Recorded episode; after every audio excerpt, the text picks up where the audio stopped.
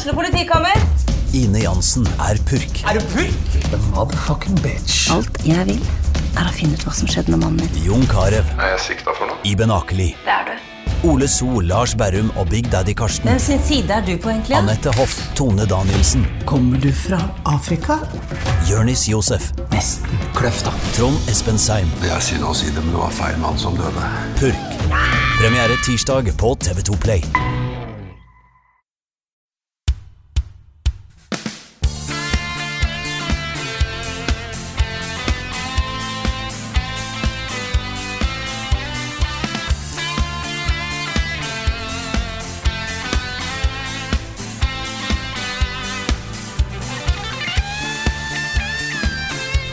Og da ønsker jeg hjertelig velkommen til en ny episode av podkasten Level Backup. I dag med et fullsatt trekløver. Det er Den faste gjengen er her. Det er meg, Frida Landmo. Med meg har jeg Karl Martin Hogsnes og Rune Fjell Olsen.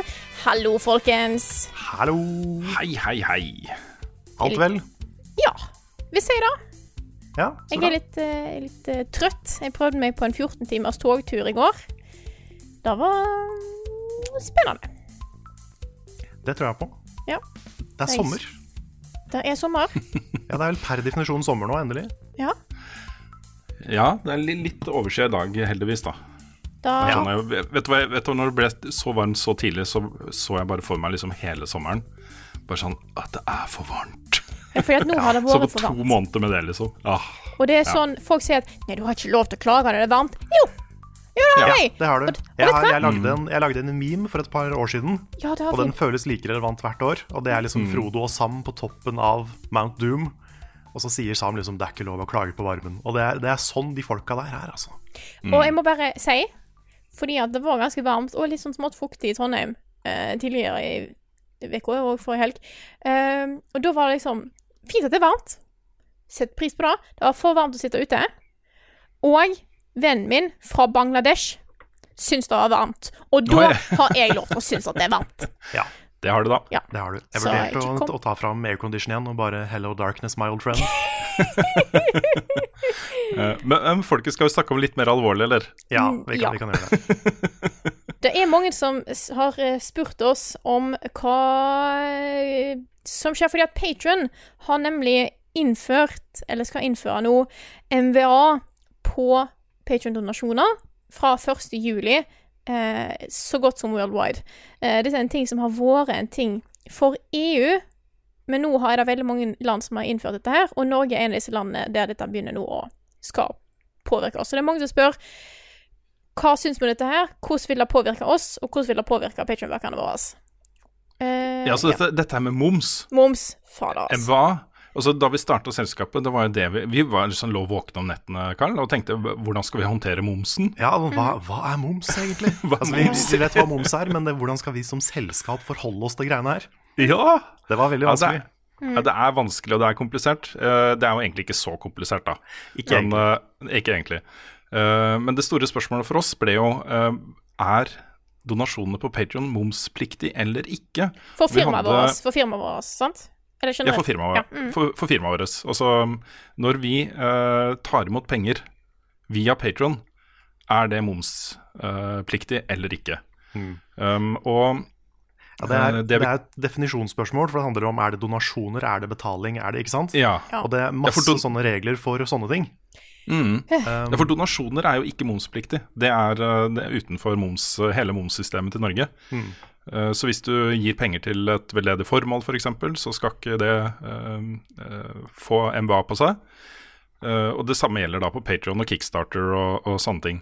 Men det er sånn gråsonetilfeller her, hvor du på en måte får et produkt eller en tjeneste eller noe konkret. Um, og da er, er det sånn usikkerhetsmoment. da, Er dette momspliktig eller ikke? Hvor mye av dette er donasjon? Hvor mye av det er at du betaler for en faktisk vare eller tjeneste eller et produkt? ja. og, Eh, det, og det som er litt av tingen nå, er at eh, hele Patreon-systemet og alt det der er så nytt at det er veldig få som har et konkret svar på de tinga her. Mm. Så vi har jo slitt lenge med å finne ut av nøyaktig hva som er momspliktig og hva som ikke er. Men, For det er ikke sånn det eh, står. Du kan ikke slå opp i Norges lover bare sånn Ja, her står det at hvis du eh, Hvis noen støtter deg på Patreon og du gir dem eh, en, en sånn type bakomfilm, så eh, gjelder disse reglene. Det er jo Mm. ganske lite definert. Og da gjør ting eh, vanskelig, og det har gjort det vanskelig for oss. Og nå, vet du, nå kommer dette problemet og spres ut til alle, vær så god. Holdt jeg på å si. På en Ja. måte. Ikke helt.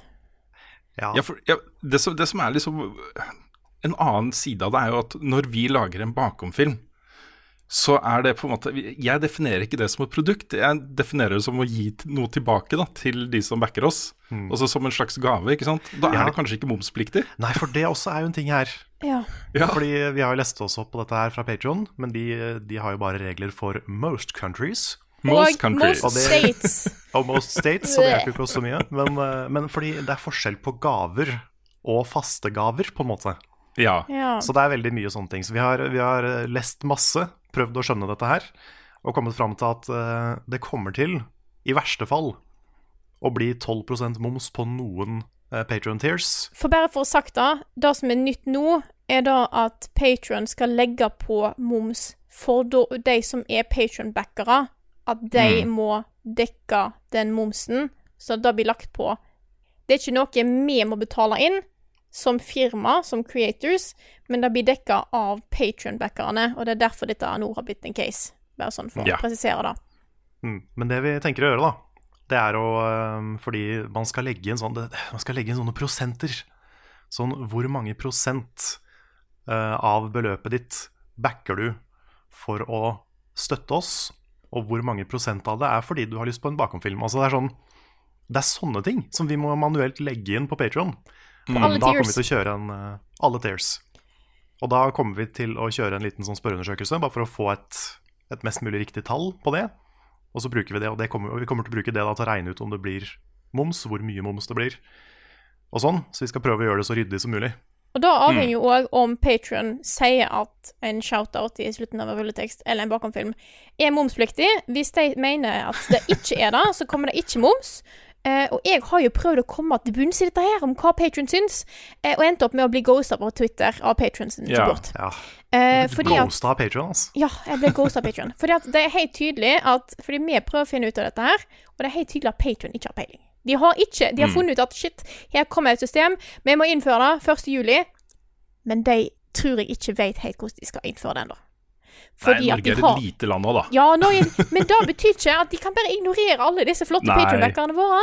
Nei, det kan ikke det. Eh, Så eh, det er Vi jobber hardt. Eh, jeg har prøvd å purre mer på å bli un unghosta, holdt jeg på å si, for å prøve å finne ut hva Patron har tenkt å gjøre. For akkurat nå Mm. så tror jeg ikke Patron sjøl vet det. Dette er ikke Det som kommer ut på informasjon, er jo da at ting gjelder for noen områder, men det er ikke spesifisert for Norge, så derfor vet vi ikke ennå hvordan dette faktisk vil være. Hva som blir dekka, om alle tiers med rewards får MVA på seg, om noen får det, eller om ingen får det, er ikke bestemt. Så vidt jeg kan se. Men vi, eh, vi kommer til å eh, legge ut en post på, for backerne våre ganske snart. Mm. Med litt, eh, hvor vi ønsker litt feedback og litt sånn. Og så skal vi holde eh, alle oppdatert underveis. Så fort, vi, Mm. så fort vi lærer mer, så skal dere få beskjed med en gang.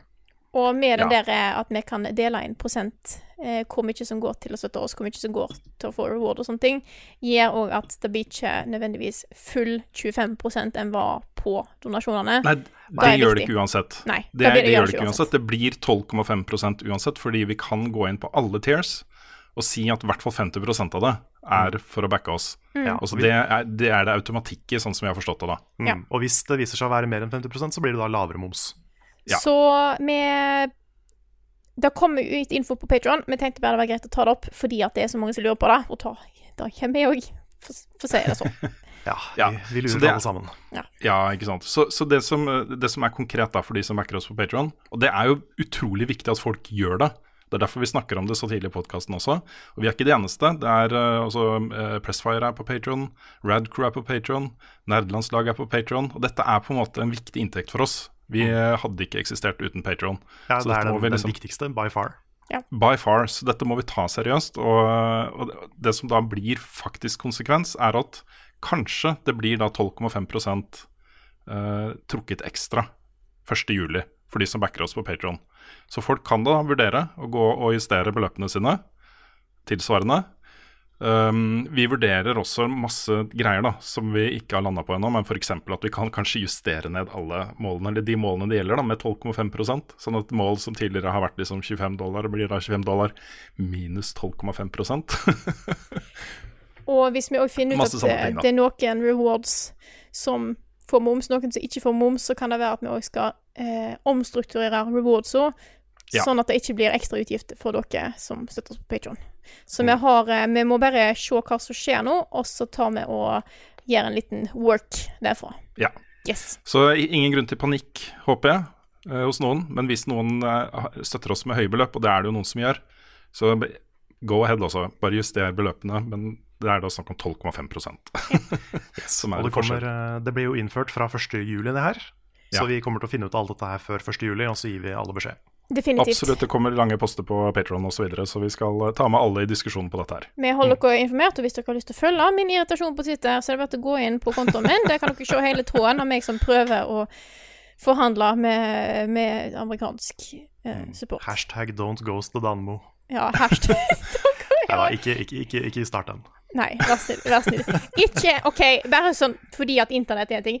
Ikke gå inn og push på Patrion om å Nei. ikke ghoste meg. Nei, ikke gjør det. Litt, nei, ikke gjør det. Ikke gjør det. Ikke gjør det. Nei. Uh, men dere kan se, uh, fordi at all, alle diskusjonene jeg tar med Patrion, er offentlig, så ser dere på en måte hva som blir sagt. Hvis dere vil, da. Og vi kommer til å gi informasjon. Men ikke, ikke, ikke post hashtag don't go to Dan mot Patron. Vær så snill. Vær så, vær så Jeg angrer på at jeg sa det. Jeg angrer på at jeg sa det.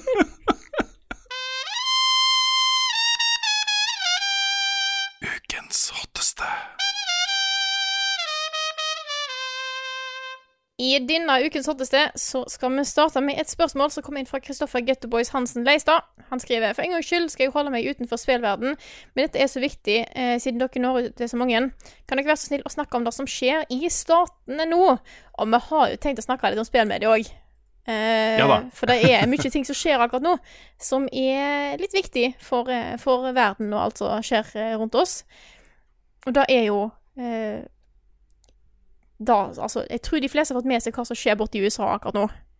Mm. Yes. Ja, altså dette her er jo sånn Når man eh, tar opp den type temaer som en spillpodkast, så er det som å stikke hånda inn i et vepsebol. For det er mange som mener at, eh, at det skal ikke eh, spillpodkaster eller spilljournalister bry seg om i det hele tatt. Hold dette utenfor spillmediet.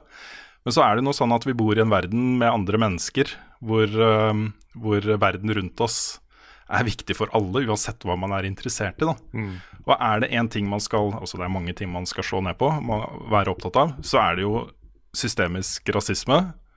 Og det er vanskelig å akseptere argumenter eh, om at dette ikke handler om systemisk rasisme i USA. Ja. Det er, Og ja, det er lett å sitte i Norge, og det er, det er en del folk som gjør det, eh, som sitter i Norge og tenker at rasisme er liksom bare Det er bare enkeltpersoner som er slemme.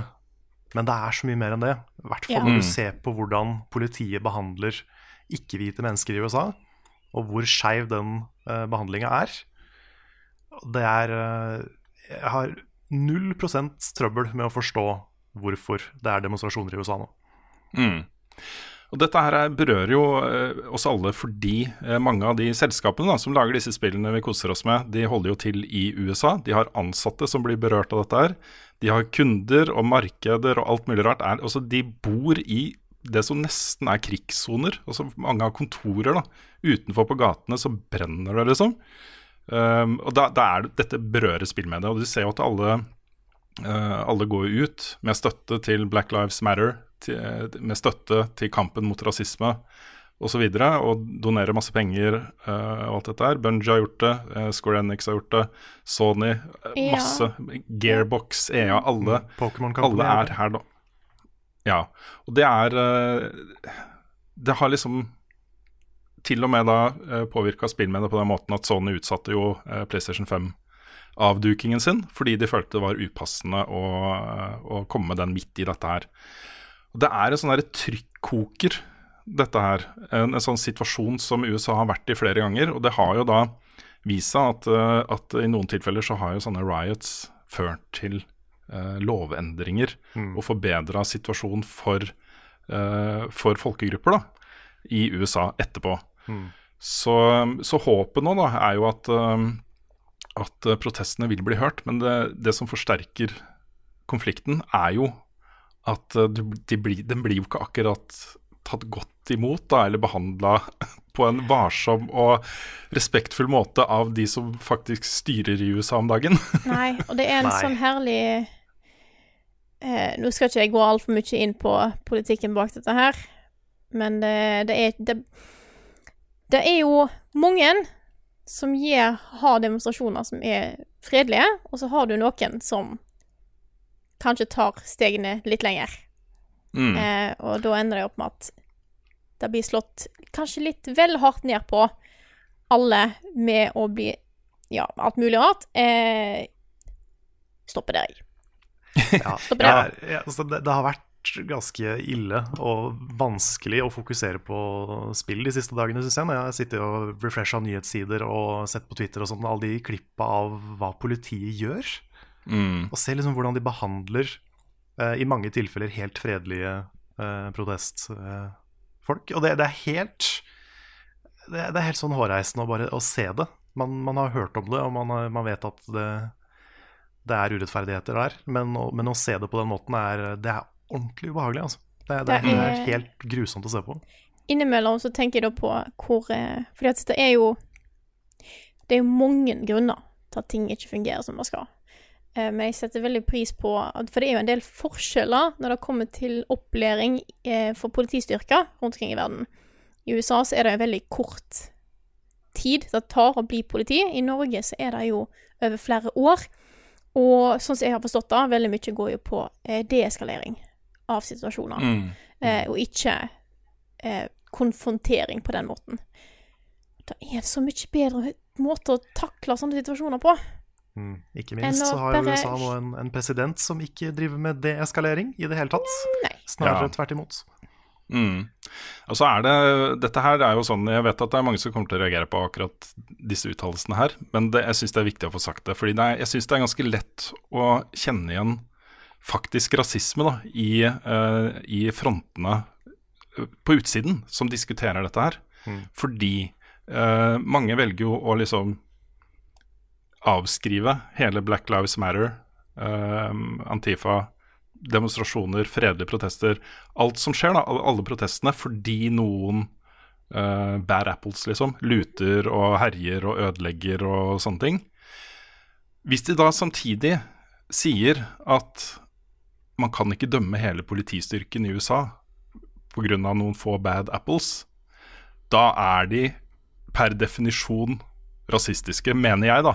Altså, det er en sånn derre du, kan- du kan ikke mene det ene og ikke det andre. Det er en Nei, så selektiv er... tankegang at det er 100% med på den. Ja.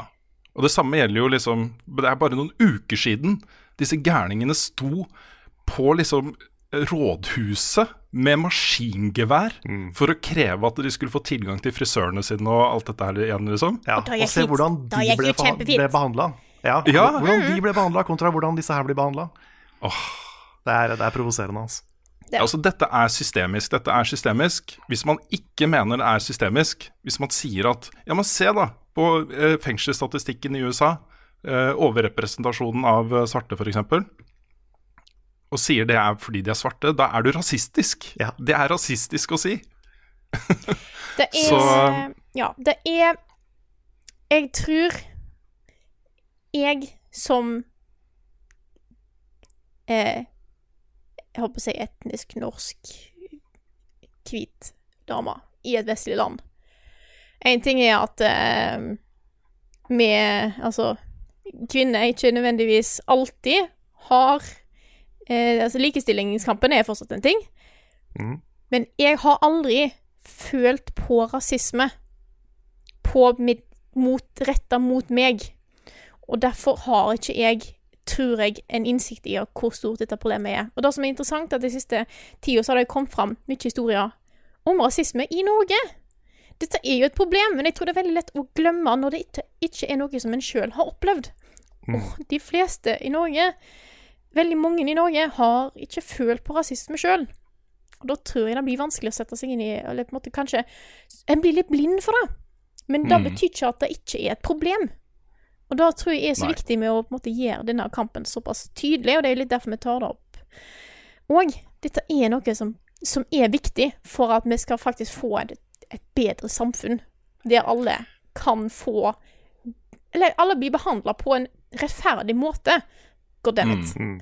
Og som Rune var litt inne på i stad, dette med um, riots og den type ting har jo ført til endring i samfunnet mange ganger før. Og mye av det vi kjenner nå, som f.eks. pride, som er en sånn eh, veldig positiv, hyggelig feiring av pride, det starta også som en slags riot og som et opprør mot undertrykkelse, og er jo fortsatt det på mange måter, men, men nå da en mer sånn feiring, da. Mm. Men vi må ha vi, vi må ta et opprør før vi kan feire, på en måte. Ja, ikke, da, altså, eh, ikke noe rettferdiggjøring av luting og, og Nei, Nei, nei, nei. nei, nei, nei, nei. Men, Nei. men bare noen ting må markeres tydelig.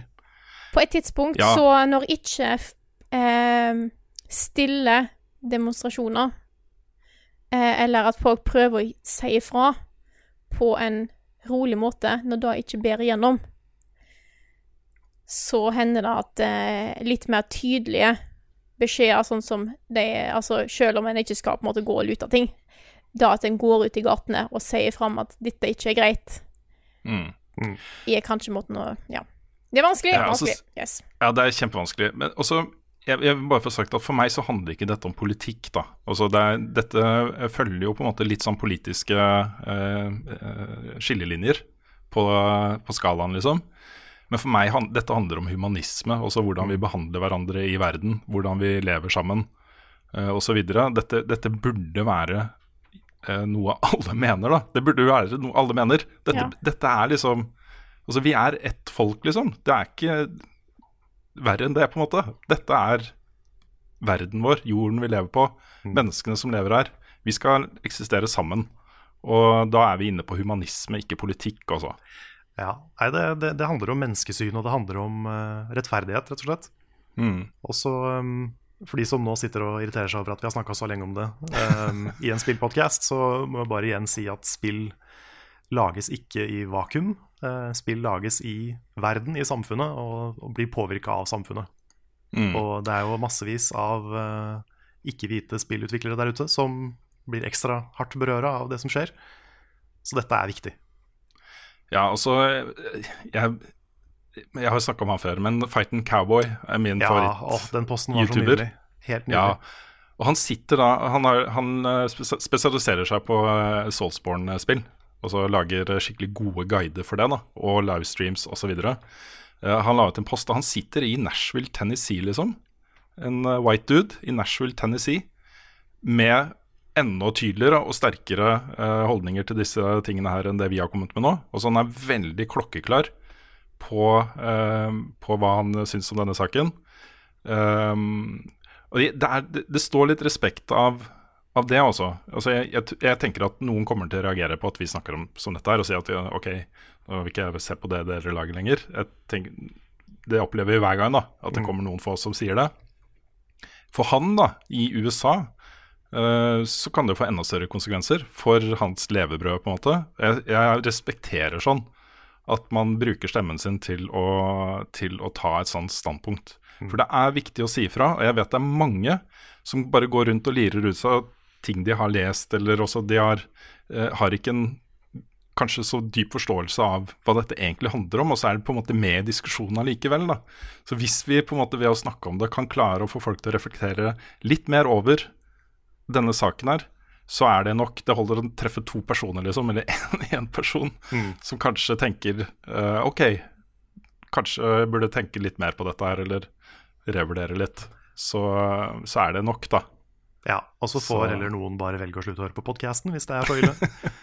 Ja, for dette, dette burde være no-brainer også, folkens. Dette Ja. burde være en ting som folk bare er on board med, syns jeg. Og så syns jeg det er bra å se. Um, altså du kan Det er veldig mye man kan kritisere med brands som går ut og liksom støtter noe bare med en, en tekstplakat og sånn. Men jeg syns likevel at det er godt å se uh, spillbransjen, som vanligvis er livredde for å uttale seg om uh, betente temaer, faktisk går ut og har statements om dette her. Ja. Det syns jeg faktisk er veldig bra. Ja, og det er et tegn, tror jeg, da, på at kanskje ting kan være litt i endring. Fordi eh, de har tatt inn over seg at eh, mange av deres egne ansatte og familiene deres blir berørt av dette her. Dette gjelder, gjelder faktisk disse firmaene, disse spillselskapene og utgiverne uh, i stor grad, da, de som holder til i USA. Mm. Så, så det er veldig, veldig positivt, altså. Ja. ja når, når The Pokémon Company går ut og støtter noe, da, da er det en movement.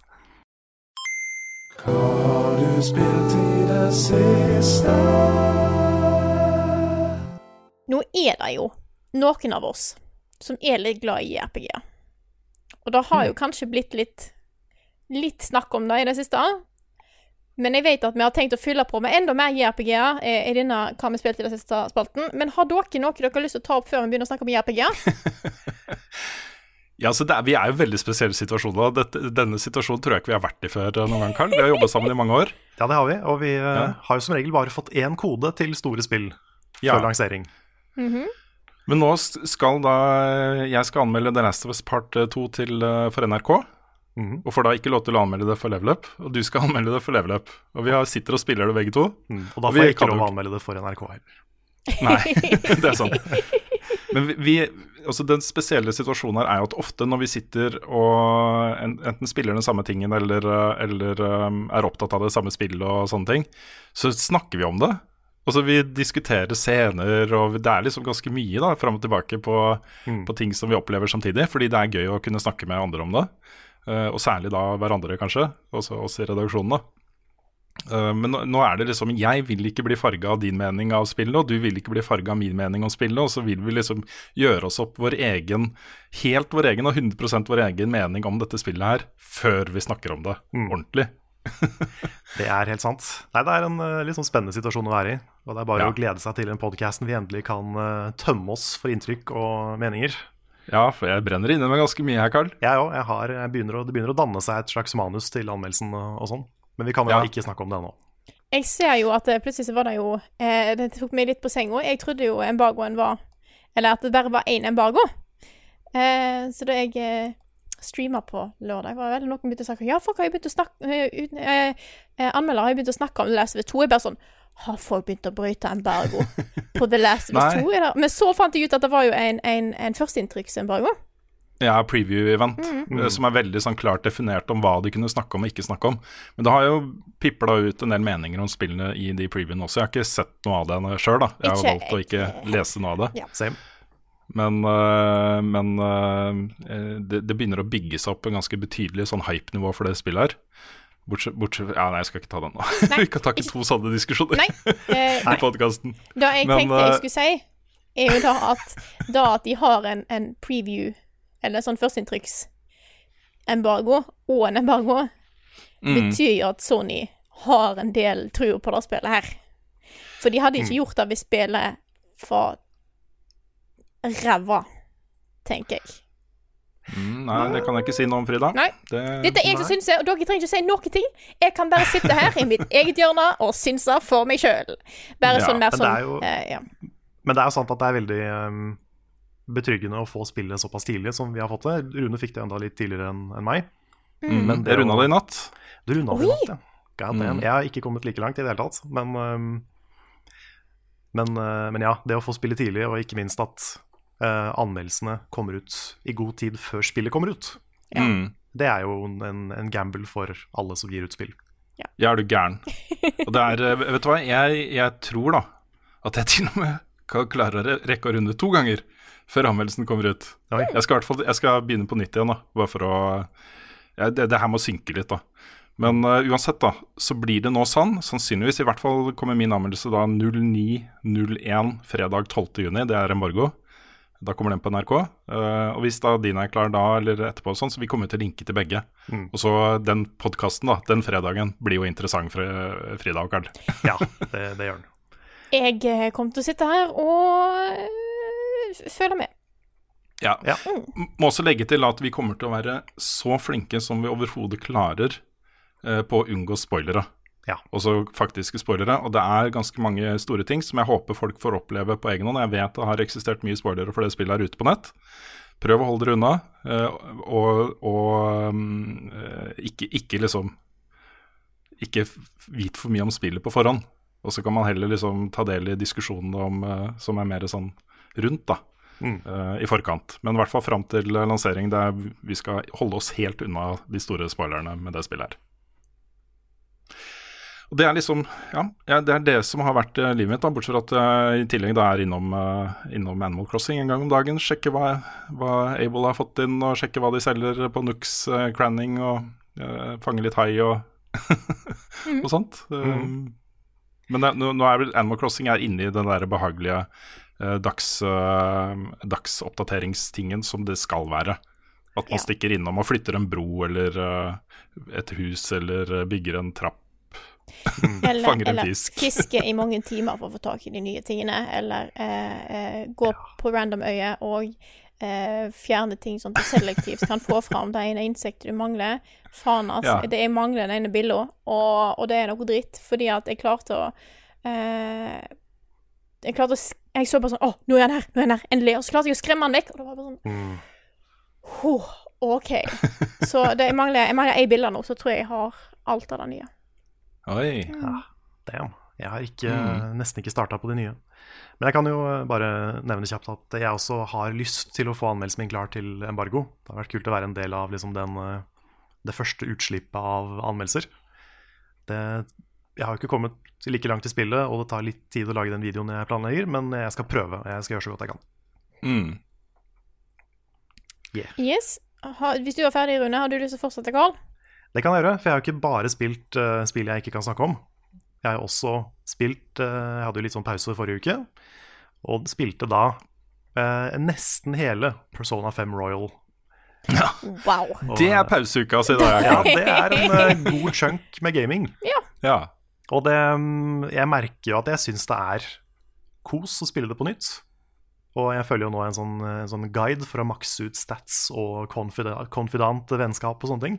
Ja, for du har jo og blitt det, noe the best boy. The best boy. The ja. ultimate boy. Ja.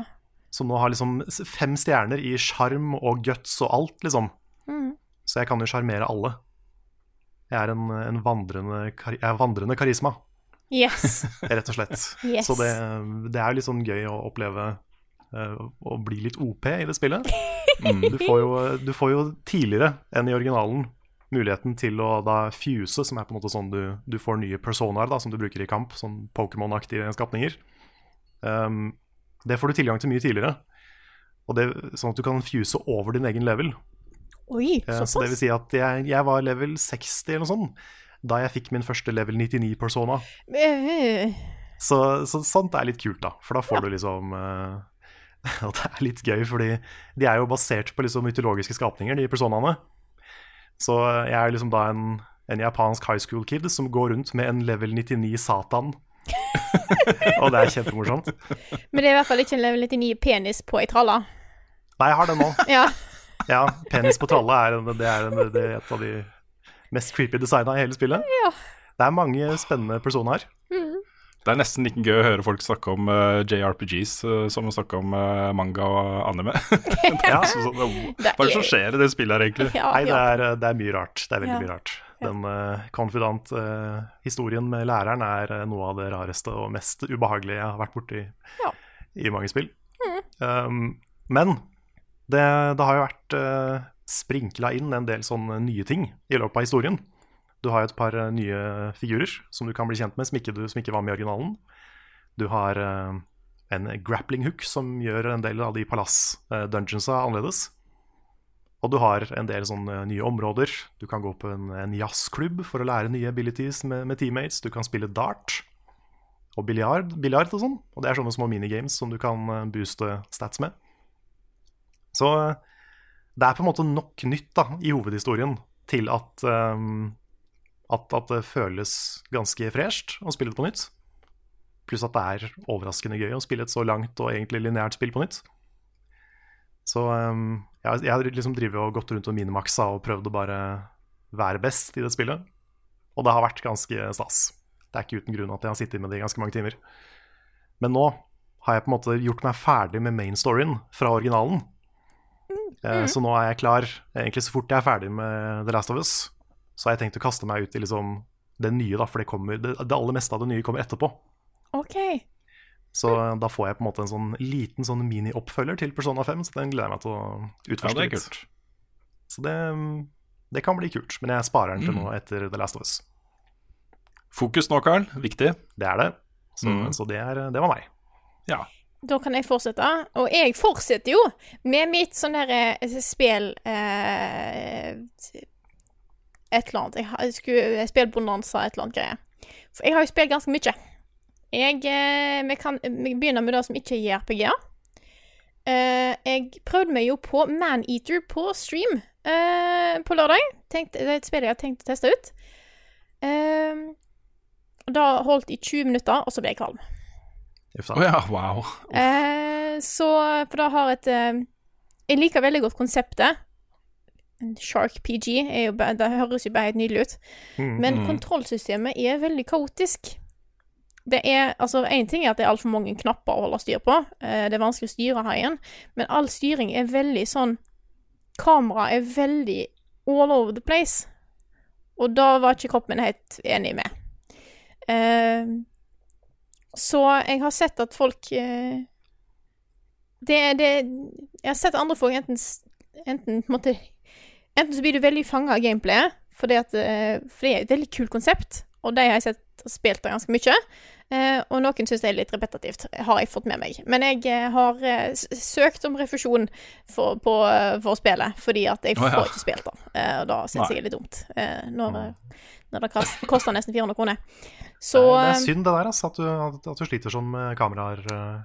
Ja, og det interessante er at det, på en måte, det, er, det er så utrolig viktig hvordan kameraet er gjort. For det er sjelden at vi har problemer med tredjepersonsspill. Eh, noen førstepersonsspill går fint. Jeg spilte jo Journey to the Savage Planet og sånne ting, så det spørs egentlig veldig hvordan det er gjort. Men dette her var bare for all over the place. Mm. Ja, det var synd. Mm. Men eh, da skal vi inn på JRPG, for fra en JRPG til en annen. Jeg har jo begynt på Xenoblade Chronicles Definitive Edition. Ja. Som er jo den oppussa versjonen av Xenoblade Chronicles som kom til Wii. Eh, jeg tenkte jo først at ikke jeg skulle spille det, for jeg har jo spilt originalen. Tenkte det nok. Det er, mange, det er så mange år siden jeg har egentlig glemt hele historien, som er veldig interessant. Det Eh, er lenge siden. Er det, er det ti år siden? da? det kom på Wii, i hvert fall. Ja, Ja. og, men det som er tingen, da, eh, er da at det er Jeg har glemt 2010 kom da. Jeg har glemt hvor stor grafikkforskjell det er mellom Wii og Switch. Så da jeg så eh, footage fra det nye, tenkte jeg at å, fader.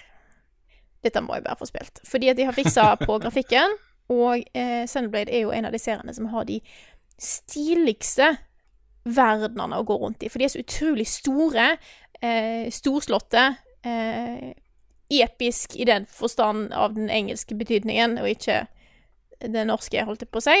Um, og da å se da i oppussa versjon er veldig, veldig kult.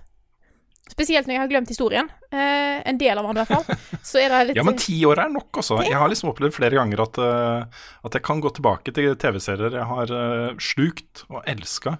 Mm. Hvis de er liksom sånn ti-ish og eldre, så er det mye jeg har glemt, altså. Ja, men det, det er helt sant. Bare, altså, Persona var bare fire år siden, og det har jeg også glemt veldig mye av. Ja, for jeg tror ikke jeg Mm. spilte dette her i 20 2010. Jeg tror jeg spilte det i 2014-2015, så det er sånn fem Ja, år siden. Uh, så jeg husker noen av tingene, men jeg husker ikke detaljene. For dette er jo et langt spill. Dette er jo 100 timer. Mm.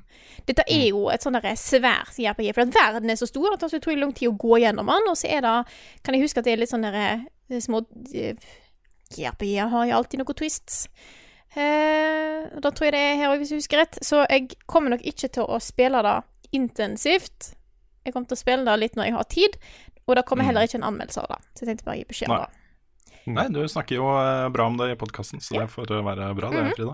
Mm. Da er som jeg, Ja. Uh, sorry, kan Ja, jeg det- bare det, ta en ja, kjapp?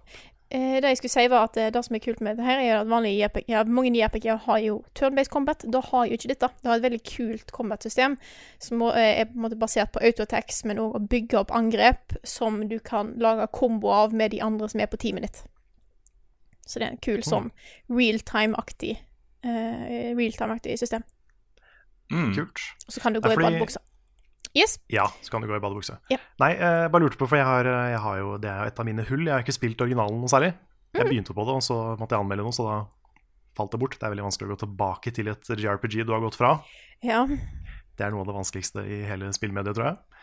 Men um, Ja, I livet generelt òg, kanskje. I livet generelt, absolutt. Ja. absolutt. Um, men, um, men er det her liksom den beste måten å spille Xenoblade Chronicles på nå? Ja. Ja.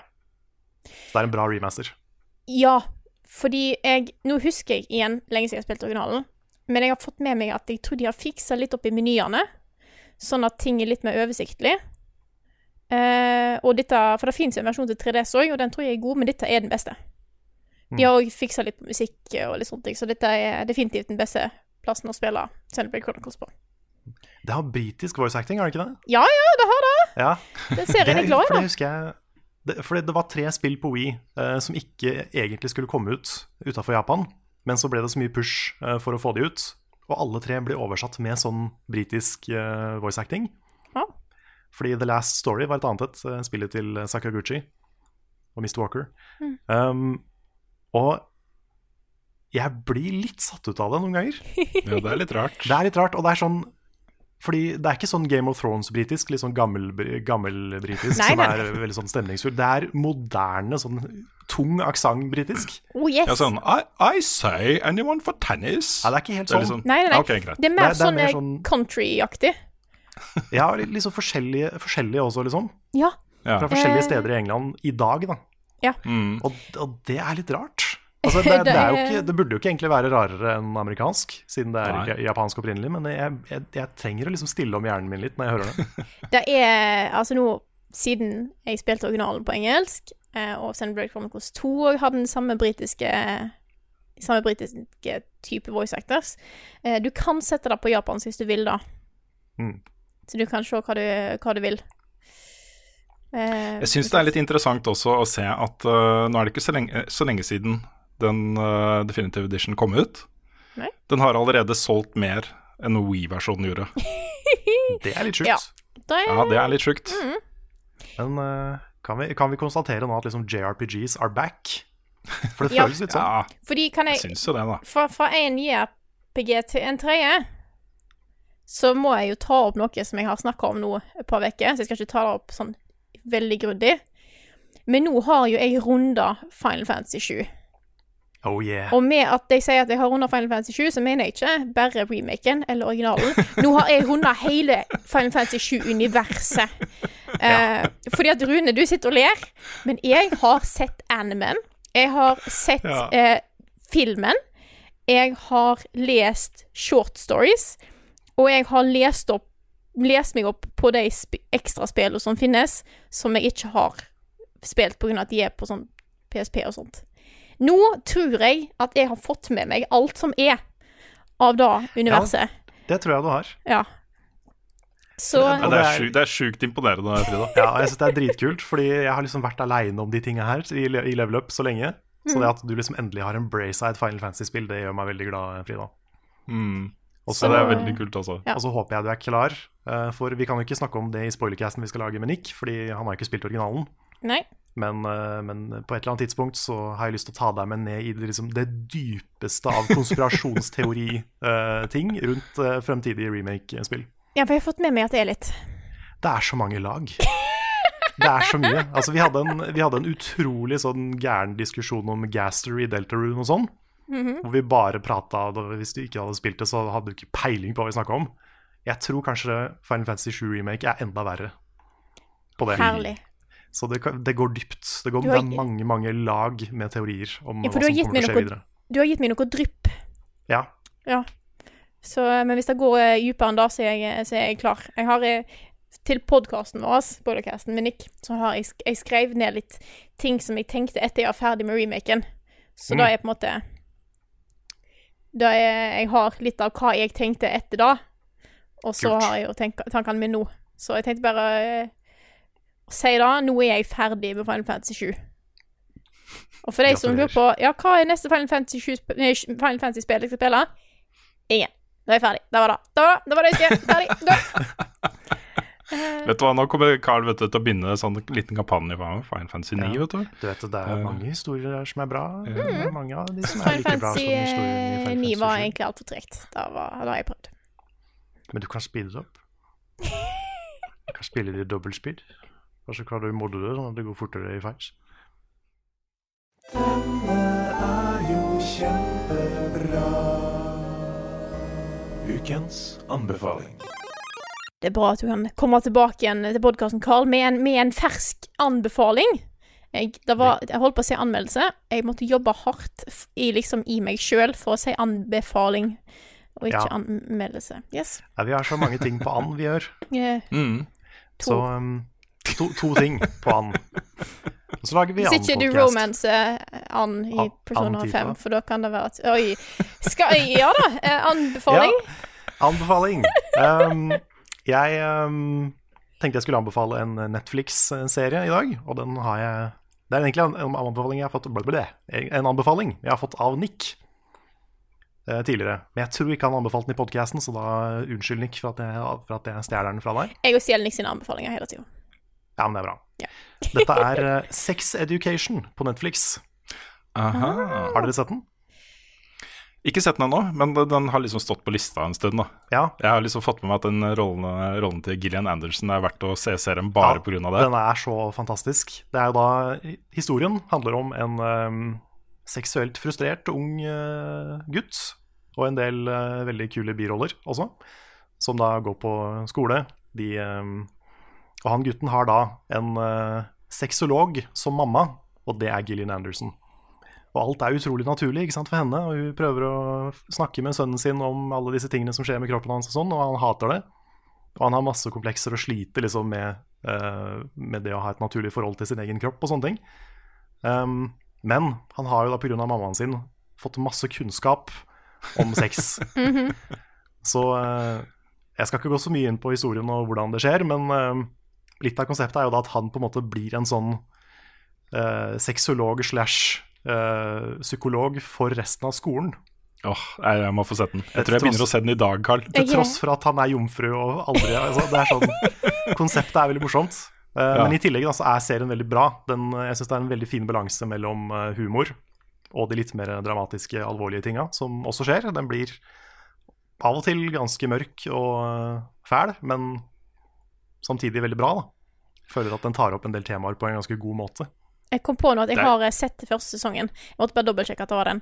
Men det er jo kommet sesong to, er det ikke det? Jo, jeg har altså bare sett uh, halvparten av sesong én, så jeg er fortsatt helt i starten. Mm. Men, uh, men jeg syns den er dritbra så langt. Jeg ser den sammen med kjæresten, så jeg venter på henne før jeg kan, kan se mer. Men jeg Altså, syns dette- den har vært utrolig bra så langt. Altså Det temaet her er jo, er jo et av de viktige temaene i dag. Og så eh, Det å på en måte snakke om sex på en måte som er uh, hva skal man si, fjerna fra den nettpornoen og sånn som kommer inn på mobiltelefonene til kidsa fra de er liksom 12? 11? Det er, det er sånn statistikk nå på hvor mange barn da, som har sett porno uh, på mobilen sin i Norge uh, i- nå. Og det er, det er liksom høyt, da. Det er høy prosentandel. Mm. Um, og jeg tenker at det å på en måte snakke om konsekvensen av sex, eh, hva som er rundt sex, eh, forhold mellom personer, sanne ting som er viktig, da. Mm. Så hvis den serien her kan fylle en sånn funksjon som ikke lærerne kanskje klarer, eller foreldre klarer, eller noe sånt, så er det ganske bra, da. Mm. Ja, fordi så for min del, altså lærerne på min skole, da jeg gikk på ungdomsskolen, de turte jo så å si ikke å ha seksualundervisning. Vi hadde én time hvor det var snakka litt om sykdommer og sånn, og det var liksom det. Fordi jeg Ja, jeg husker- lærerne ville. ja, jeg husker fortsatt det der ene, ene timen vi hadde med sexundervisning på barneskolen. Det var femte-sjette klasse eller noe sånt. da. Mm. Det husker jeg så godt. Da Da var det en lærer, han var ikke, han var ikke klasseforstanderen vår. Jeg tror eh, det med vilje, at de hadde satt det til andre lærere på skolen, at de kunne komme inn og snakke til de som ikke var elevene deres, for at ikke det skulle bli vanskelig etterpå. ikke sant? Ja. Men jeg husker to ting. Jeg husker én, at han tredde en kondom på en sånn trestav. Visste hvordan man gjør det. Og to, at han snakka ganske mye om flattlus. Og hvor viktig det var å liksom ikke ta seg på kjønnshårene og så på øyenbrynene, f.eks. Ja. I tilfelle du hadde flattlus. Det er det jeg husker fra Så din seksualundervisning var flattlus? Flattlus og at jeg tre på kondom. That's it, som jeg husker Wow. da. Nei, men jeg, jeg føler litt at den serien her bidrar til litt den derre kanskje det å ufarliggjøre og liksom fjerne litt den der tabuen rundt sex. Så det er jo mye mindre tabu nå enn det var i gamle dager, men det er fortsatt, det er fortsatt elementer av det i samfunnet. Vi har veldig mange samfunnsdiskusjoner i dag. Ja. Ja, ja. Men, eh, men jeg, er veldig, jeg setter veldig pris på det. At det på en måte det, det, det gjør det mindre kleint. Altså det er, Serien er klein, det er masse kleine scener. Oh, men yes. den, eh, den har likevel et sånt, litt sånn sunt og naturlig forhold til alt sammen. Da. Mm. Det setter jeg veldig pris på. Det at det på en måte ufarliggjør alt det der litt. Ja. Mm. Og samtidig som hun, eh, den Gillian Anderson-figuren eh, er jo veldig fun, funny, fordi hun noen ganger tar det litt for langt i andre retning. Mm. At, hun, at hun blir liksom for naturlig. Og det også er kjempemorsomt. Så um, nei, jeg syns den, er- synes den er kjempebra. Her kommer nyheter med Rune Fjell-Olsen, og han har ikke hår. Nei, jeg vet vi snakker eh, ganske mye om eh, Jason Schreier i den podkasten her, og i Level Up-sammenheng generelt. Vi er fans. Fans av Jason Schreier. Han har jo i årevis eh, levert utrolig bra spilljournalistikk i Kotaku. Han vet Han hva han driver driver en- med. Ja, han har skrevet en glimrende bok. holder på med en bok til, som jeg gleder meg til. Men nå har han da slutta i Kotaku og begynt i Bloomberg som spillekspert. Så han skal jo da dekke spillmedie, og sikkert litt andre ting, men hovedsakelig spillmedie, og fortsette gravejournalistikken sin der, da. Mm. Nå er første saken hans ute, og det er jo en utrolig, utrolig um, kjip sak han har liksom gravd fram her, øh, som setter litt søkelyset på hvordan disse svære, svære, svære publisherne behandler disse små utviklerne, eh, eller i hvert fall kan gjøre det, da. Eh, og saken handler da om et en sånn joint venture mellom et lite indieselskap som heter Star Theory, og uh, Take Two. Og Take Two er jo en av gigantene. Uh, de har uh, Rockstar-spillene og 2K sportsspillene og sånne ting. Og de har da en underavdeling, altså en, en subsidiary, en, hva heter det, et underselskap? Datterselskap? Datterselskap heter det. Som heter Private Division. Og det er sånne herlige sånne Big Brother-navn. Private Division. Du har kommet til Private Division. Um, Private Division og Star Theory skulle da samarbeide om å lage Kerbal Space Program 2. De hadde fått lisensen til det spillet. Det er jo ikke samme utviklerne som originalen, men de skulle ta det til nye høyder og Bokstavelig talt, nye høyder. Hei. Um, ja. Um, det som skjedde der, da, var at på et, eller annet punkt på slutten av fjoråret så um, var det, var det Hadde Take Two, eller Private Division, hadde lyst til å gjøre én ting med liksom konseptet og uh, selskapsstruktur og sånne ting. Uh, mens, uh, mens uh, Star Theory var på, noe annet. Og det som skjedde da, en fredag kveld, var at alle de ansatte i Star Theory fikk en melding på LinkedIn fra toppsjefen i Private Division, Michael Cook, med tilbud om å begynne hos eh, dem isteden. Altså ja. spillet er eh, kansellert, dere kan begynne hos oss da isteden og jobbe med, videre med det. Og de visste jo ingenting. Ingen som De beskjed om at spillet var kansellert?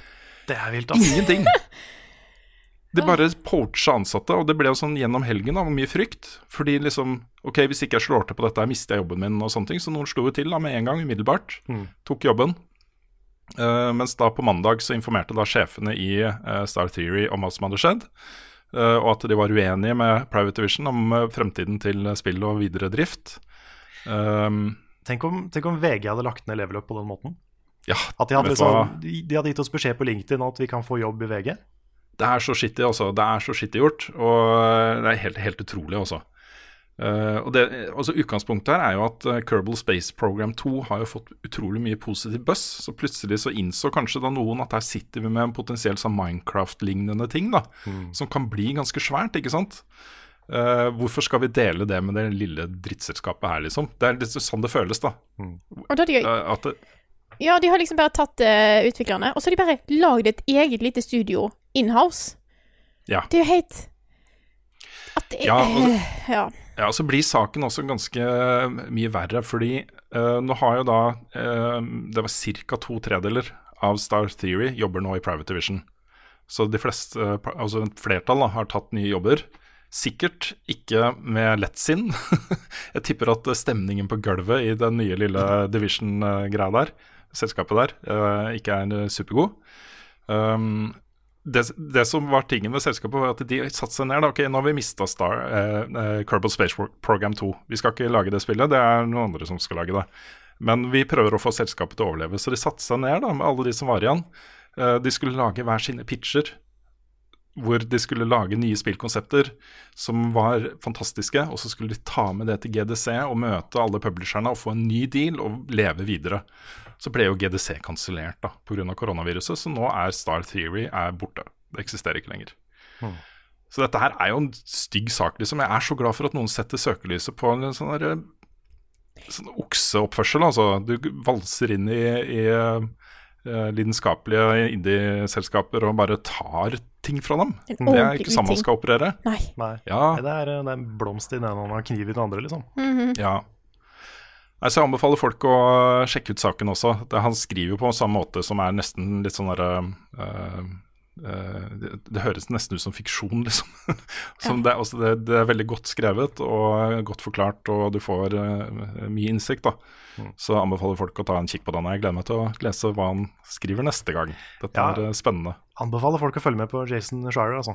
Han Ja. eh, har såpass mye kontakter i bransjen og får muligheten til å sette liksom, søkelys på så mye viktig og så mye interessant. Mm. Ofte, ofte litt kjipe ting, men også liksom, han, han er en utrolig dyktig sånn gravejournalist. Ja, han er det. Og det kontaktnettet hans også. Mm.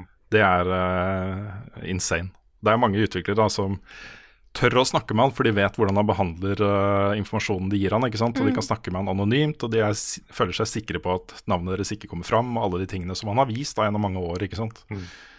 Så er, han har et unikt innblikk i spillbransjen som, eh, som er veldig nyttig å få med seg. Ok, um, det kommer en oppdatering. Vet du hva, Det er så mange, da. For jeg har snakka så mye om Star Citizen og at jeg er glad i verdensrommet og sånne ting. Og hver gang jeg gjør det, så er det renner inn med meldinger. Ja, hvorfor spiller du ikke Elite Dangerous? Og det er eh, Jeg har liksom snust på det. Eh, Jeg har liksom lagt det litt bort, da, fordi det er veldig seigt. Altså veldig, veldig seigt. Og det er mye sånn sitte med kaffekoppen og pludre, liksom. Sånn som jeg har forstått det, i hvert fall. Uh, men den derre å, å reise rundt i, i verdensrommet og, og, og kartlegge det og sånne ting, er, har alltid appellert til meg. da Så jeg har vært veldig nære mange ganger, men nå pinadø altså, nå skal jeg begynne å spille det. I hvert fall da i starten av 2021, for da kommer det en oppdatering som heter Odyssey. Uh, jeg tror det også vil bli gitt ut som en sånn der Elite Dangerous kolon Odyssey standalone-ting. At du kan kjøpe den hele greia liksom, og få hele spillet. Hvor du skal kunne lande på planeter. Gå ut og gjøre ting på de planetene. Finne outposts. Uh, kartlegge dyr. Uh, utvinne ressurser. Og så No Man's Sky-style, da. Mm. Dette høres ut som nok for deg, Rune. Det gjør det. Ja, vet du hva. Når, Dette er eh, altså Når, du kan gå opp, når du kan dra på ferie til månen, mm. hvor fort kommer du til å gjøre det? Jeg Vet du hva, jeg har Det det er drømmen min, altså. Ja, jeg merker at du har en Ikke- sånn greie for å utforske space Ja. i spill. Ikke nødvendigvis å lande på månen, men jeg har lyst til å se jorda fra verdensrommet. Mm. Det er liksom en sånn, det er kanskje en av de der sånn bucketlist-tingene som jeg håper jeg får oppleve før jeg dør. da Å kunne ta turen til verdensrommet, se på jorda vår. Konstatere at den er rund, med egne Ja. For du er ikke overbevist. Nei. Jeg er ikke overbevist. Har ikke sett det sjøl, si. Nei. Nei. Nei, så det, dette her blir en update også. De reworker på en måte hele spillet og pakker det inn som en, en ny ting, som er mye mer omfattende. Og hvis ikke eh, Roberts eh, Space Industries kjapper seg litt nå, så ta bare Elite Dangerous eh, den greia der også fra dem. Så eh, ja. Det blir spennende. Det kommer nå, eh, er annonsert to DLC-er til eh, eh, Pokémon Sword og Shield. Den første heter Isle of Armor. Kommer nå 17. juni. Det er da en eh, ny øy. Um, du fortsetter på en måte opplevelsen din. Du får ikke bare klistra på eh, masse nytt til det du allerede har spilt. Eh, og det er bra. Og så fortsetter det da med, på tilsvarende vis med The Crown Tundra eh, til høsten. Det stemmer.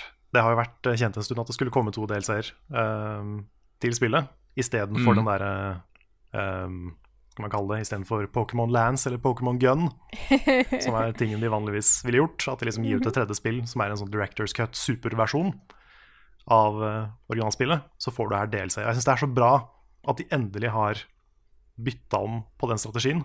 Mm. Fordi jeg merka det å spille Pokémon Ultra Sun, f.eks. Det var litt kjedelig, for jeg hadde spilt Pokémon Sun, og det var såpass likt opp til et visst punkt. Mm.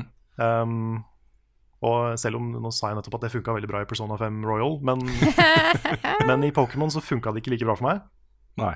For det, ba- det bare føltes litt sånn Dette har jeg spilt før. Mm.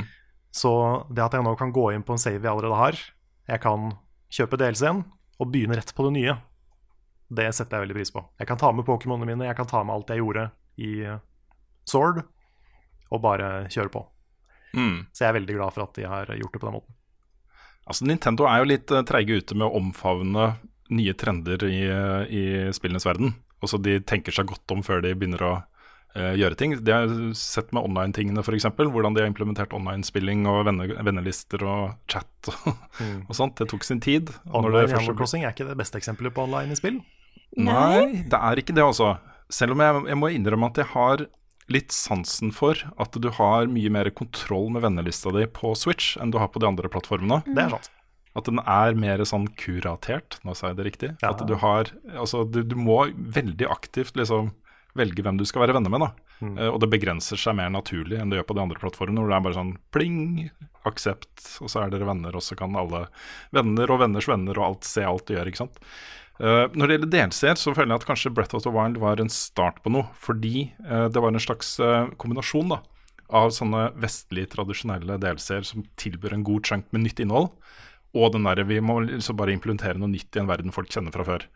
Så kanskje de er på vei over i en verden hvor man kan da få fete DLC-er til Metroid, til Zelda og de tingene. Og det hadde jo vært så kult. Eh, hvis de setter seg ned fra starten av og bestemmer seg for at at her har vi potensialet til å utforske mer en annen gang. La oss eh, la den ligge, liksom. Gjøre ferdig spillet, og så kan vi besøke den ideen en gang til, og så se om det kan bli, ikke sant. Ja, for da er, måten, da, spennende, er- det måten å gjøre det på. Ikke OK, her er spillet, la oss kutte av ene delen og Ja, gi det ut med DLC. Det Nei, er, fordi det, er, det er mange som har et litt sånn anstrengt forhold til konseptet DLC pga. den type eksempler. da. Mm. Men det vi snakker om nå, er jo sånne ordentlig gode expansions som lages etterpå, eh, Mm. og som er en, måte en, en mini-oppfølger i seg sjøl, på en måte. Ja. Og det, det, det er, Der er det potensialet, syns jeg, hos Nintendo. Jeg ble litt er det. over at ikke det kom noe sånn ordentlig delelse til Mario Odyssey. Det var en sånn liten eh, holdt på å si Luigi-ballong-patch, men det var det. ja. ja. Nei, jeg, vi får se.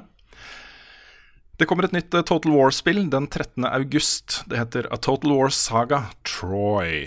Troy 13. august, eksklusivt på Epic Game Store og gratis i 24 timer på launch. Så hvis du går inn på Epic Game Store den 13. august, så kan du bare laste ned spillet gratis.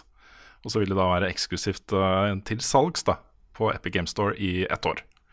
Så verdt å nevne. Uh, nevner også kjapt at uh, den neste Destiny 2 uh, delscenen, expansion packen, som kommer til høsten, skal bli avduka den 9. juni klokka 18.00 norsk tid på en stream. Og Det er da tisa at eh, det vil foregå på eh, Europa, som er en måned av Jupiter. eh, med sånn snødekte områder og sånt. Eh, men eh, ja. Det, det folk forventer, da, og jeg forventer, at dette her blir sånn Taken King eh, Forsaken-størrelse. Og sånn svær, saftig. Nesten det som kunne vært eh, Destiny 3. Så jeg er veldig spent. Eh, ja, det var, det var egentlig det jeg har satt opp. Også. Vi har vært innom uh, en del andre ting tidligere på podkasten. så uh, hvis ikke dere har noe å legge til, så går vi bare videre, eller? Kjør på. videre. Quick, quick, quick, quick, quick, quiz. Og quiz er her, den kommer nå. Alle blir megastore og små. Og nok en gang masse, masse tusen takk til eh, Takk for den fantastiske nye vignetten, eh, Martin. Den er, den er perfect for quiz, for nå er det quiz. Carl, Det er, vær så det er god. quiz igjen. Jeg er Yes. så kontroversiell at jeg velger å ha en quiz i. Shit. Ja. Så nå eh, kjører vi sånn at eh, dere sier navnet deres og svarer. Ok. Og quizen går ut på eh, Det er en slags sånn Dere skal gjette spillet basert på da en setning som beskriver tittelen på spillet. Så litt sånn okay. rebus. Kan, Rebus. det kan forekomme litt sånn dårlige ordspill. Ikke overraska. Nei, så eh, vi kan jo begynne med noen som jeg tror er ganske lette. Da begynner vi med Jeg eh, datt ikke inn. Rune, Ja, nå vet jeg nivået her. Ja. Fallout. det er helt Ja, jeg riktig. det, var, det var på en måte en, en, en oppvarming, men du får et Ja. poeng. Ja. Uh, ok. Vi kan ikke dele kraften.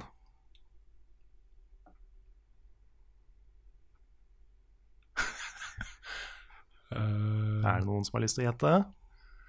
Eh, vi kan ikke dele kraften, nei, OK? Å, jeg har et eller annet Jeg kommer ikke på noe. Be om et svar. Ja, jeg har ingenting. Tre, to, da er tiden ute. Ja. Ja. Hvis ikke vi kan dele kraften, så er det Minecraft. Å, herregud! Vet du hva jeg tenkte på Minecraft, men det var for dumt. Ja, det er ingenting som er for dumt i den quizen her. Nei, ok, OK, det er bra. da er vi klar. Yes. Ok, En stor samling av mennesker.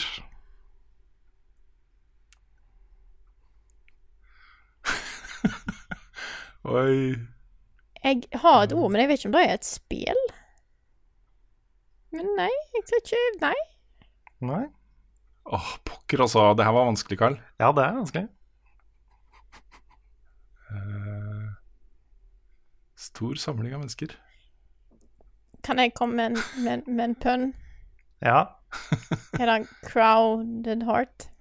Nei, Nei. det er ikke det. Så, så fjernt er det ikke. Så fjernt er det ikke.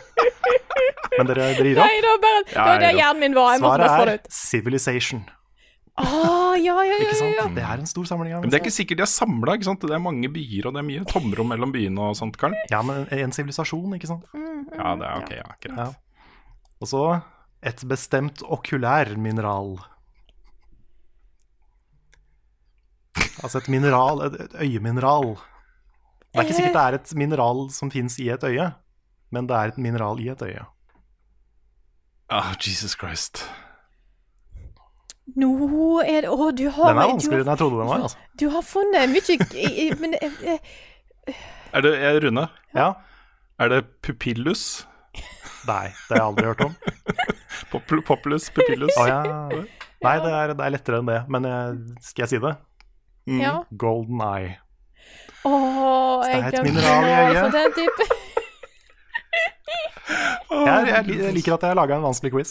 Det elsker han. Det helt nydelig. Kjør på. Okay. Ja. Den neste husker jeg faktisk ikke svaret på, så jeg må hoppe over. Um, men her er det en. vet du hva, Carl, har du sittet og skrevet disse her sånn 0330 på en eh, natt, liksom? Bare sånn Ja, altså Mens jeg hadde pauseuke, så fikk jeg noen sånne ideer, og så bare Å, den må jeg skrive ned. Og så har jeg ikke skrevet svaret. Men Nei, kan, kan, du, kan du ta den likevel? Jeg vil bare høre hva du har skrevet, hvis det er Eh, ok, den her husker jeg ikke hva som var, men det, det er relativt hissig stemning i nabolaget. ja, den husker Det er jo et spill som heter Bad Neighbor, da. Ja. Men, uh, Ja, det var ikke det jeg tenkte på. Ja, nei. Det, Det hadde vært et godt svar, da. ja, kanskje, jeg, kanskje jeg kommer på det etter hvert. Ja. Men, uh, men ok. Når du drømmer deg bort, men ikke kommer til å gjøre det i fremtiden. Rune? Ja? Drømmefall? Nei. Ja, så ok. Drømmen har falt, liksom. Ja, men den har ikke falt. Du skal bare ikke gjør det. Men du skal ikke gjøre det i framtida? Mm. Past et eller annet? Uh, Ja ja. Det er liksom Du, du drømmer deg bort, men, men det er liksom Det er for siste gangen. Eh, Frida. Ja. Uh, Final Rune. Fantasy? Final, Final Fantasy. Helt riktig. Da er det likt. Ett poeng til begge. Den neste er jeg veldig stolt av. Jeg har en bag som ikke beveger seg av seg selv.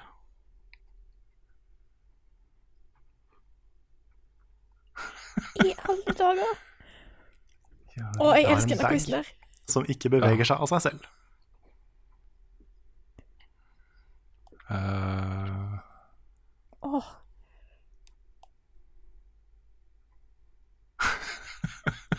Rune? Uh, oh. Mm? Portal? Nei. Frida? Mm? Er det et spill som heter Backpacker? Det er et spill som heter det, men det er eh, ikke riktig svar. Nei. Skal jeg si det?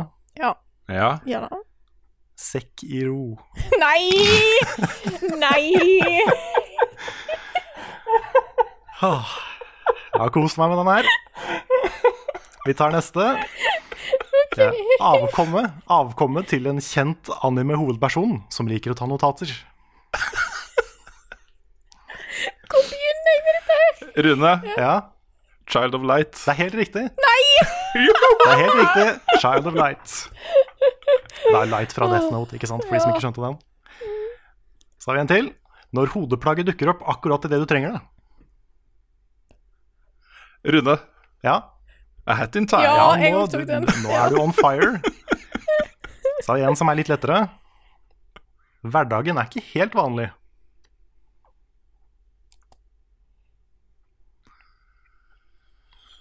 Åh, den har jeg på tunga. Jeg Ja. føler at jeg liksom toucher innom. Ja. Da kommer jeg på en av de jeg har hatt som er eh, ja. Åh, hva, hva øh. Eh, Rune. Mm. Life is strange. Helt riktig. Har du fire poeng, Rune? Ja, dette her knuser du meg i. Da har du, da har du vinnerrunde, men jeg har, jeg har en til.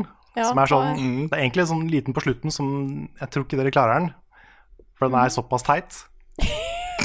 Og følger ikke helt reglene, men, men vi tar den for det. Når du aldri har prompa og bæsja samtidig.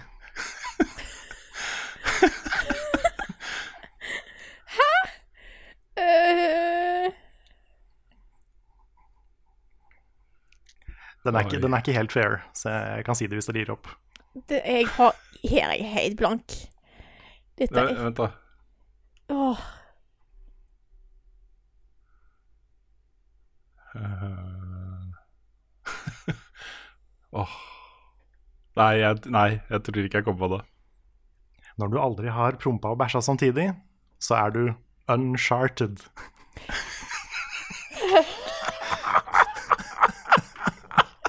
Gratulerer, Rune. Du vant quizen. oh, beste quizen ever! Hva er hennes best, hvordan fredag sist har Carl egentlig sopp? Ukens spørsmål. Vi starter med spørsmålet fra Bjørn Arve Johansen Kjelsnes, som spør Nå som sommerå står. sommeren Da var en rar bøyning. Da var en Sommero? veldig Sommerå. Den var, den var ny. Det, dialekten min er interessant. Nå som sommeren står og banker på døra, hva er deres favoritt sommermat, og ikke minst sommerspill? Jeg har et veldig basic svar på sommermat. Is? Er det is? Nei, det, det, er, det er faktisk mat. Ok, ja. Du kan for så vidt også definere is som mat. Men øhm, jeg liker veldig godt på sommeren når det er jordbær i butikken, og dra på butikken, kjøpe liksom eh, ferske jordbær, og bare ta jordbærbiter på brødskiva. Det er godt. Det er, det er oh. sommerfrokost. Det er den Med beste litt sukker, sommerfrokosten. sukker på, eller Ja, bare, litt, bare av og til litt sukker på. Jeg prøver, Ja. øh, Noen ganger så kjører jeg ut for å føle meg litt sunnere, men uh, jordbær med sukker er veldig bra. Ah, jordbær med sukker og fløte er litt sommer. Det er eh, sommer. Men det, når er det norske jordbæra kommer? Er ikke det slutten av juli, begynnelsen av august? Er ikke da det begynner å komme? Nå spør du vanskelig. Ja, For de er så mye bedre, altså. Ja, de er gode. Men de er ofte litt sånn vassende i butikkene i Oslo, syns jeg. Ja, det er fordi de bare peller det fra åkeren, og det er ikke noe sortering, liksom. De tar bare alle jordbæra. da vil det være noen dårlige jordbær i hver kurv, da. Ja. Men jeg merker liksom når du kommer ut av Oslo, så er det ofte bedre jordbær. Ah, Det er litt sånn rart. Kanskje har med kortreist og langreist og sånt. Kanskje. Mm. Nei, jeg, jeg må bare slå meg på en, eh, en sleger. Grill. Ja, Grillmat. grillmat er jo amazing. Jeg har nettopp fått meg grill. Oi. Mm -hmm. Grilla en mais, det er awesome. Oh, fy det er godt, det. Ja, det er godt. Det Eh, er godt. Ja, nå har jeg fått meg, jeg har fått meg ordentlig kullgrill. Stor Weber kullgrill. Mm -hmm. uh, så nå, nå er jeg klar. Jeg må kanskje, altså i tillegg til grill, sånn grillmat generelt, så tror jeg kanskje en ting som er viktig for meg om sommeren, er vannmelon. Mm. Da jeg eh, var på butikken her en dag, og så så jeg at de hadde fått- begynt å få en litt sånn vannmelon og sånt, så tenkte jeg OK, sa til Petter, vi må ha en vannmelon. Så tar jeg en hel, han bare sånn, trenger du en hel? Jeg bare ja. Ja, Ok, det gjør men da kan jeg komme, da kommer jeg med sånn bonusanbefaling da, på noe jeg så på eh, en av disse på nettet et sted. Da skar de et hull i en hel vannmelon, så tok de miksmaster oppi og eh, moste alt til en sånn uh, slush, og så helte de det oppi sprit. Ja. Så satt de i sugerør. Sommer. Det er sommerspill, da. Så Sommeren her, denne sommeren kommer jo til å bli dritbra for uh, gamere. Mhm. Fordi uh, også vi får ikke lov til å reise hvor vi vil. Og det blir jo en litt spesiell eh, sommer. Jeg vet at det jobbes med noen sånne slags utvekslingsavtale med Danmark. ja. Eh, det tror jeg kanskje vi snakka litt om i forrige uke også. Men eh, så stort sett da så blir det mye norgesferie og hjemmeferie i år. Nå kommer det jo så mye spill i juli. Mm. Det er eh, masse. Trackmania og Ghost of Sushima og Paper Mario. Paper Mario. Oh, yeah. Vanligvis en Mm. helt død måned. Ja. Mm. Det er Så- Jeg har en tendens til å Selv om jeg ikke nødvendigvis har dratt så mye utenlands, så da har jeg en jobb med å få en fullstappa full- Fullpakka program eh, for sommeren. Og det ser ut til at det sikkert skjer noe òg, for vi har liksom besøke min familie på hytta vår. Altså, så skal vi ta og besøke foreldre til Petter, eller familie til Petter, og så skal vi òg kanskje besøke noen andre. Så det ender på at jeg ikke alltid har et sommerspill, for jeg gjør så mye andre ting. Eh, men det hindrer meg ikke fra å få tid til de spillene innimellom, så da blir det. Det er nok av, nok av ting eh, å ta av i sommer, så det, er, det blir bra. Ja, jeg har ikke noen sånn faste sommerspill, men jeg har um, Sommeren er perfekt anledning til å spille lange spill, føler jeg. Mm. Sånn, uh, hadde jeg ikke spilt Persona nå, så hadde det vært mitt sommerspill i år. Mm. Jeg sa dette her før eh, forrige sommer. Nå, da skulle jeg spille The Witcher 3. Det står fortsatt på programmet. Men jeg vet at eh, jeg kommer til å være busy-busy med anmeldelser i sommer. Så jeg vet ikke hvor mye annet det blir tid til. da. Det blir jo det er i hvert fall tre spill som jeg vet jeg skal spille i juli. Og det er Trackmania, det er Paper Mario og det er Ghost of Tsushima. Det er jo uh, saftige opplevelser alle tre, tenker jeg. Så yep. Mm. Så juli går nok litt uh, bort.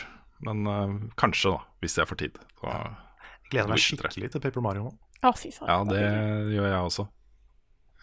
Jeg merker at vi har litt sånn behov for å svare på litt lette spørsmål. Det har vært eh, mye tunge temaer i podkasten, så jeg Kjør på. kan, følge, jeg kan følge opp med en, eh, en lett til. Kjør på. Fra Jon Magnus Restad. Yoda eller Gandalf? Jeg vet ikke, så blir det en blodig diskusjon her også. Men Yoda eller Gandalf? Yoda eller Gandalf? Jeg er på Team Gandalf. Ja, jeg òg. Ja, jeg også er på Team Gandalf, for de er, sånn, de er jo litt sånne vise mentorfigurer begge to. Mm. Men jeg syns Yoda kommer med så mye dårlige råd i prequel-filmene. Jo, det er en sånn der trollan. Ja, sånn 'strangle your feelings, Anakin'. Og det er, det er sånn eh, det, Så, så det, jeg syns kanskje Gandalf vinner, fordi han er mer vis. Det er, jeg føler du får sett mer til Gandalf Mm. som person. Yoda bare liksom hopper rundt og, s- snurrer litt og ler. Mm. Men jeg hadde hatt større problemer hvis, hvis spørsmålet hadde vært Gandalf eller Baby Yoda. Da hadde jeg kanskje Ja, vært den på er Team. Baby Yoda. Den er verre. Åh, det, tenk deg, det blir kult, da. Det er dumt å snakke om en serie som ikke har kommet til Norge. Ja, hva mener du? Det er ingen som har sett Mandalorian? Nei, det er ingen som har sett Mandalorian. Men er, jeg er jo sjukt spent da på hvor de drar eh, Baby Yoda i Ja. kommende sesonger. Oh yes. Så ja. Ja. Nei, men, men det er noe med liksom Gandalf er mer Jeg blir mer rørt og mer inspirert av ting Gandalf sier. Mm, Så uansett, til og med uten prequels, så tror jeg at eh, Gandalf vinner, altså. Mm. Ikke minst så har han eh, mer korrekt eh, setningssyntaks. Og Ja. det Ja. syns jeg er viktig egenskap i en Viktig å snakke komplette setninger! Ja. Ja. Jan, jeg har med, med, har med mer spørsmål på lager? Ja, altså, jeg, jeg har lyst til å svare på et eh, kjapt spørsmål.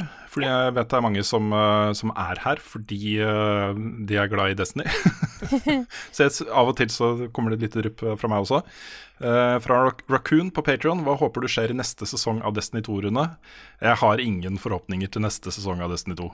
Det er liksom det, de har jo sagt da, de sa jo for et år siden, nesten et år siden, at uh, vet dere hva, den sesongen som kommer nå da, til sommeren, dere har aldri opplevd noe lignende i Destinys historie. Det kommer til å bli så epic. Det kommer til å bli så fantastisk. Og så har jo forrige sesong, den nåværende, den som slutter da 6. Nei, 9. juni. Samme dag som de annonser Delsen. Det har vært skikkelig laber. Så jeg har, jeg har ingen forhåpninger til neste sesong, og jeg er ikke sikker på om jeg kommer til å spille det så mye. Men jeg skal innom. Komme opp litt, eh, ta litt pinnacles og, og sånt. Men eh, jeg, jeg, tror ikke, jeg tror ikke det blir så bra.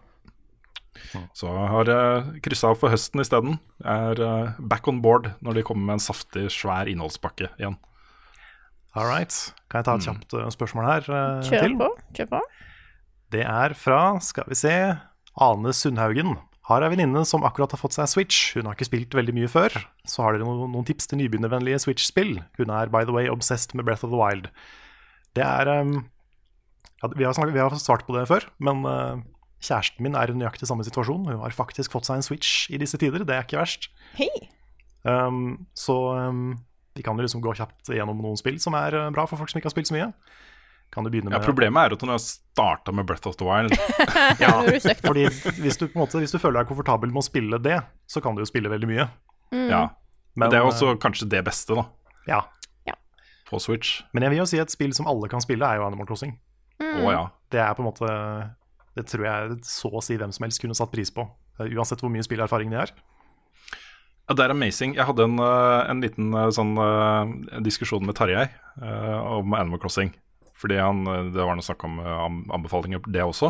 Så anbefalte jeg Animal Crossing. da Han var sånn, han skulle ikke røre det med ildtang når han hører hvordan vi snakker om det. Bare hvor addictive det er og sånne ting. Det skjer ikke. Men det er det jeg sa til han da. Det, er, det gjelder altså. Det er en sånn to, ca. to ukers periode hvor det blir litt sånn altoppslukende. Mm. Hvor, det, hvor det, det du får da på den øya her, og det du kan gjøre på den, er, det er så mye og så gøy, og det skjer ting hele tiden, og det utvikler seg så raskt, og det er liksom sånne ting. Men så roer det seg ned, også, Mm. Og blir mer en sånn chill-spill, det det er Ja. ment å være. Det er helt sant. Nå sjekker jeg bare innom en sånn halvtime om dagen. Mm. Så og det er kos. det er kos. Nå kjenner jeg så godt på den følelsen. Nå driver jeg ikke og time traveler øh, og sånt lenger. Nå er det liksom bare ok, nå tar jeg det nye innholdet som kom ut. Så nå sitter jeg og gleder jeg meg til å ta en halvtime på øya mi, bare for å sjekke de tingene. liksom. Det er en sånn kos ting å ha i hverdagen, Mm. som, øh, som er veldig ålreit, altså. Det er helt sant. Men øh, flere spill, da. Du har jo Mario Odyssey, er jo en åpenbar. Fikk, Ja, eh, den er øh, amazing. fikk ti av ti av meg.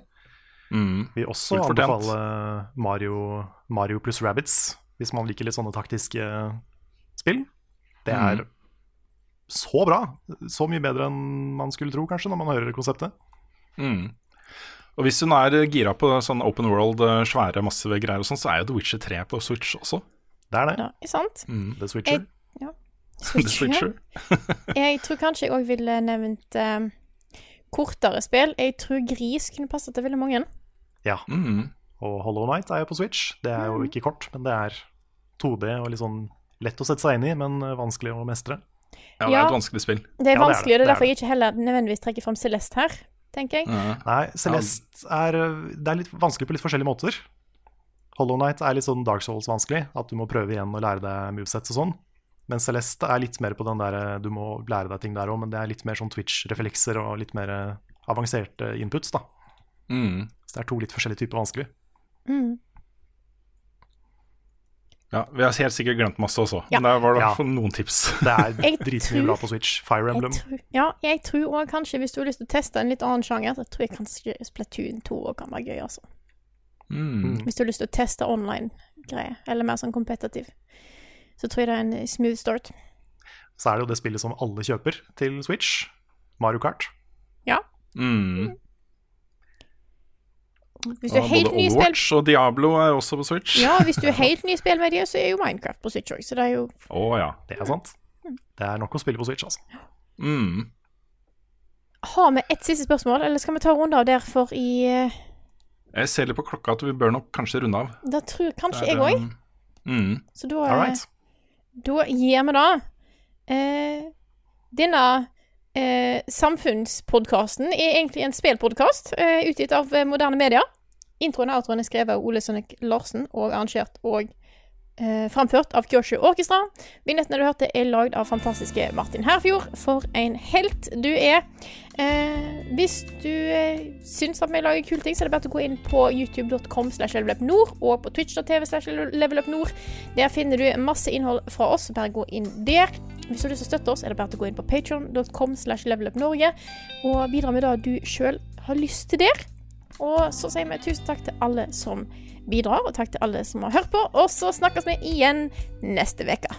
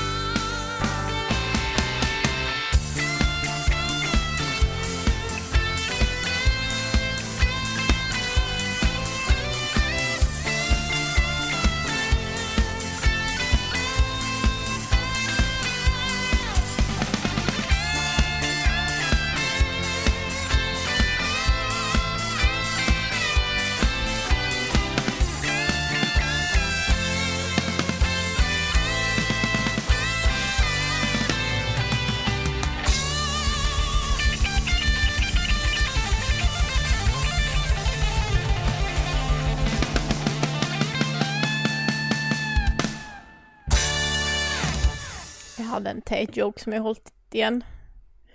Eh, sånn sexundervisning, og du sa at du for du måtte vente på kjæresten. tenkte jeg ja, ja, da er jo nok du har lært av serien. Takk for meg. ja. ja, den skulle du tatt, Frida. Den var veldig Ja, Ja. den skulle du tatt. Det var veldig bra. Veldig bra. Kanskje, kanskje den havner et sted i podkasten allikevel, da. Ja. Du må nesten ha konteksten, da. Ja, men det må komme etterpå. Ja. Det komme til til slutt. slutt, ja. Hvis, Ja. ja. Det, Hvis, hvis, jeg, hvis jeg husker det. mm, Post credits er den. Har du et enkeltpersonforetak eller en liten bedrift? Da er du sikkert lei av å høre meg snakke om hvor enkelt det er med kvitteringer og bilag i fiken, så vi eh, gir oss her, vi. Fordi vi liker enkelt. Fiken superenkelt regnskap.